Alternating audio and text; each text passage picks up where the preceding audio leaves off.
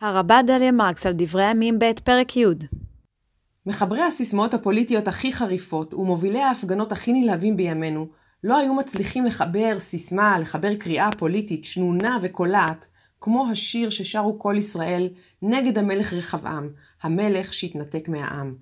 מה לנו חלק בדוד, ולא נחלה בבן ישי, איש לאוהליך ישראל, אתה ראה עבדך דוד. השיר הזה, שיר ההתנערות משושלת דוד, בא לפרק את החבילה. מעכשיו איש לאוהליך, איש לשבטו, אישה למשפחתה, חסל סדר ממלכתיות, חסל סדר הלאומיות של הממלכה המאוחדת של תריסר השבטים שיצאו ביחד ממצרים. ספר דברי הימים אוהד מאוד את בית דוד, ראינו זאת שוב ושוב. אוהד את המלך דוד, ועוד יותר מכך אוהד את בנו שלמה, אבל לא את רחבעם. לא את הבן והנכד שנולד למלוכה הפריבילג, כמו שהיינו קוראים לזה היום, זה שאינו קשור, קשוב לכאבי עמו.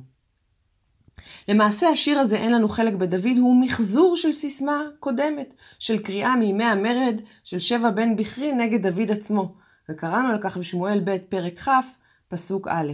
ונוסף לו משפט מעדכן, כנהוג בסיסמאות פוליטיות שמתעדכנות לעיתים, שמשתנות עם השתנות הנסיבות. נוסף לו המשפט, אתה ראה ביתך דוד. אתה, עכשיו, כל שנותר לך רחבעם, הוא רק בדוד.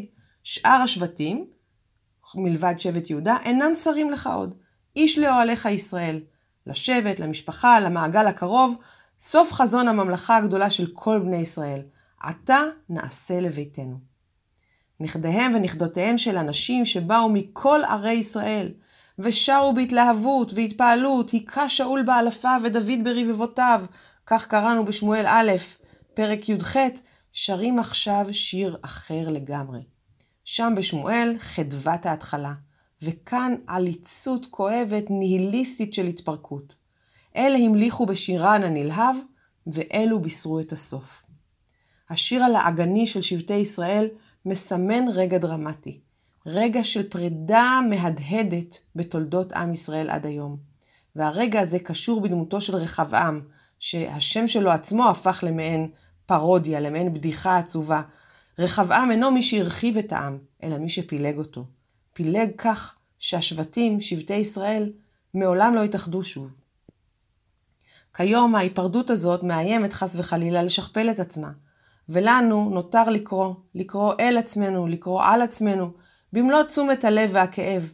אתה ראה ביתך, אתה ראה ביתנו, אתה נראה ביתנו, שלא יאבד.